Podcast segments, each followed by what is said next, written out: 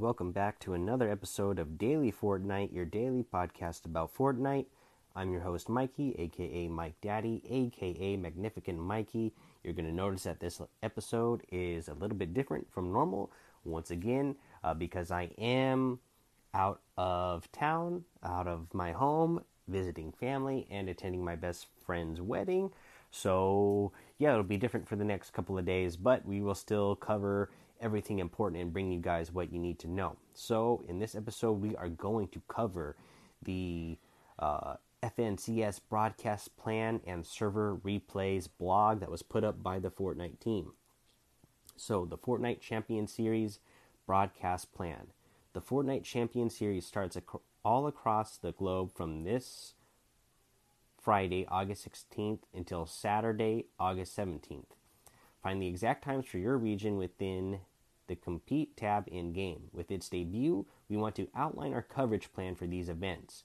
For qualifiers, players will be able to tune in to their favorite streamers during the competition, and we'll be highlighting some of the best content on the official streaming and social channels. We'll also be moving away from official weekend broadcasts in favor of content recaps dropping throughout the following week. Our recaps will use server replay functionality to highlight key moments during the competition, including commentary from some familiar faces. Sundown, Zeke, Bala, TW, and Shia Wager will be following the stories of top performers and key players in the community. Keep an eye out on the FN Competitive Twitter for more news. I like the sound of that.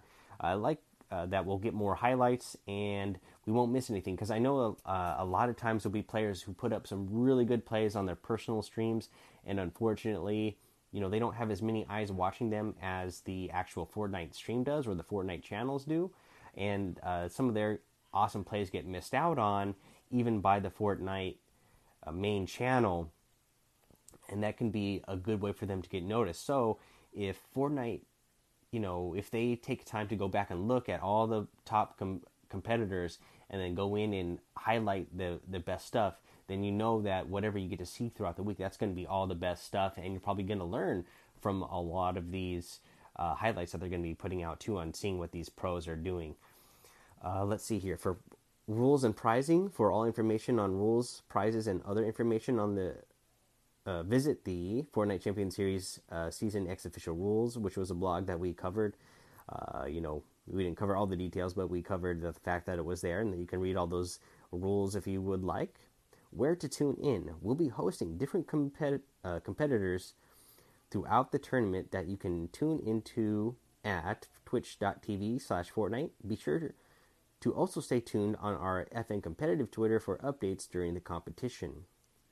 So, what are server replays? Server replay functionality is what was used to broadcast the Fortnite World Cup online open qualifiers, and now it's in your hands. The difference between server replays and local replays is that server replays contain information on the entire island and all players for a given match. Gone are the days where you can only see the immediate area around you. Now you can view the action happening anywhere in the match. Find your favorite player, get unique angles and wide shots, or put on a full scale broadcast of your own. To access server replays, go to the Compete tab in the lobby and select the event you wish to view. From here, every player on the leaderboard can be selected in order to gather footage. Here are some helpful tips when using replays. You have to act fast. Replays will become unusable when the new patches are pushed. This does not include content updates. When a match is live, you'll be you'll see a red bubble next to the player's name. You can view other regions' gameplay by going into settings menu and changing your region. Setting your depth of field low will help you find your current focus point when setting your focus manually in the lens setting. If you find your camera in the storm, you can remove the purple filter with the storm effects option in the camera settings. Establishing a wide shot first before moving right into the action helps gives the viewer more information to aid in the following in following the action. Uh, share your content using the hashtag FNCS hashtag for a chance to be featured on the FN competitive Twitter. Let's see here. All right, now let's go over the Middle East servers. We're excited to announce that Arena Mode is now available in our new Middle East ME servers that launched this past week. Find out more information on the Middle East server launch here. Many players in the southern Middle East will see significantly better ping, with more improvements to come as we expand our coverage to more internet service providers, ISPs, in more countries. We recommend using the auto setting when selecting your region since even though you may be geographically closest to the Middle East, some players will still have better experience playing in Europe depending on your location and ISP. Drop in now and get your practice in before the Fortnite Champion Series starts on Friday, August 16th. Uh, the top four teams will also qualify for the season finals to be held from September 20th through September 22nd. For more details on the Fortnite Champion Series, you can read last week's competitive blog here. So this is really cool. They just added in those uh, Middle East servers. That's really awesome. Not only did they finally, you know, get those servers in, but now they're already letting them compete in online competitions. So I feel like that is something that they've done really good uh, job doing that, and they did a good job of uh, you know, just doing that for the Middle East uh, Fortnite competitive uh, community in general. Now, uh, let's go ahead. Let's cover what's in the item shop today. In the item shop today, we have the Gut Bomb outfit, the Hot House outfit, the Sandstorm outfit, the Scimitar outfit, the Grill Count harvesting tool, the Rusty Roller harvesting tool, the Chrono uh, contrail, the emblem wrap, the new Recon Ranger outfit, outfit, which I am a huge fan of. They've got a signature shuffle, the double cross outfit, which I absolutely love, the clockwork wrap, which is a really cool new wrap, really like that one, the Team Burger emote, the Team Tomato emote, and the Verge outfit. Now, if you guys are going to get any of these items in the item shop today, I'd really appreciate it if you use that creator code Mike Daddy, M M M I K E D A D D Y in the item shop. Now, I want to cover a tip of the day, and again, I'm on the road.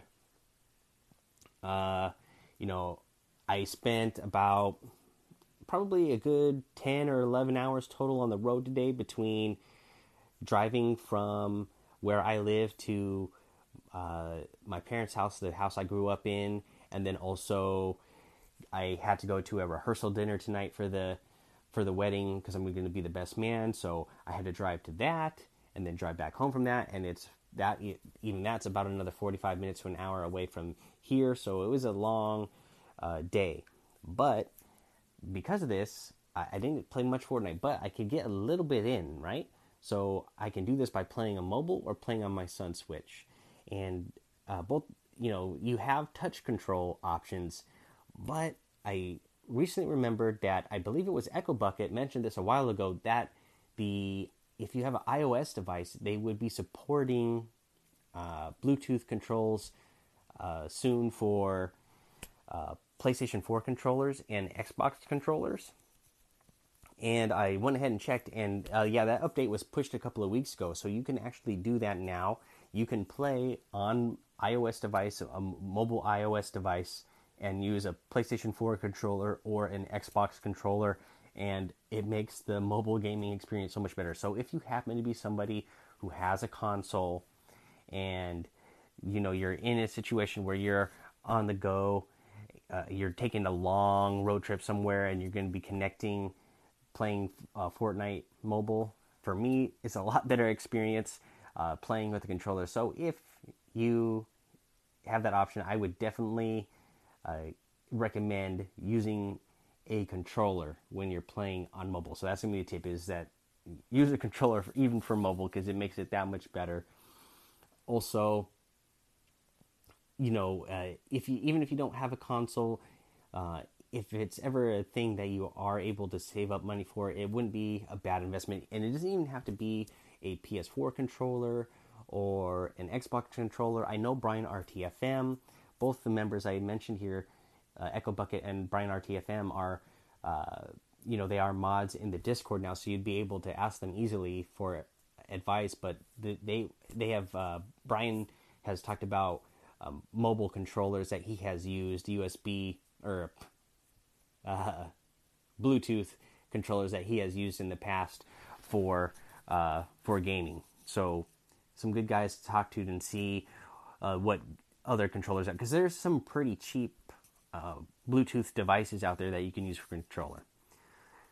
All right, guys, that's going to be the episode for today. Thank you for hanging out and sticking it in, uh, sticking in there for me uh, by checking out these episodes even when I'm on the go and they're not their usual quality. Really appreciate it. So go join the Daily Fortnite Discord and hang out with the community over there. Follow me over on Twitch and YouTube, Mike Daddy on both of those places.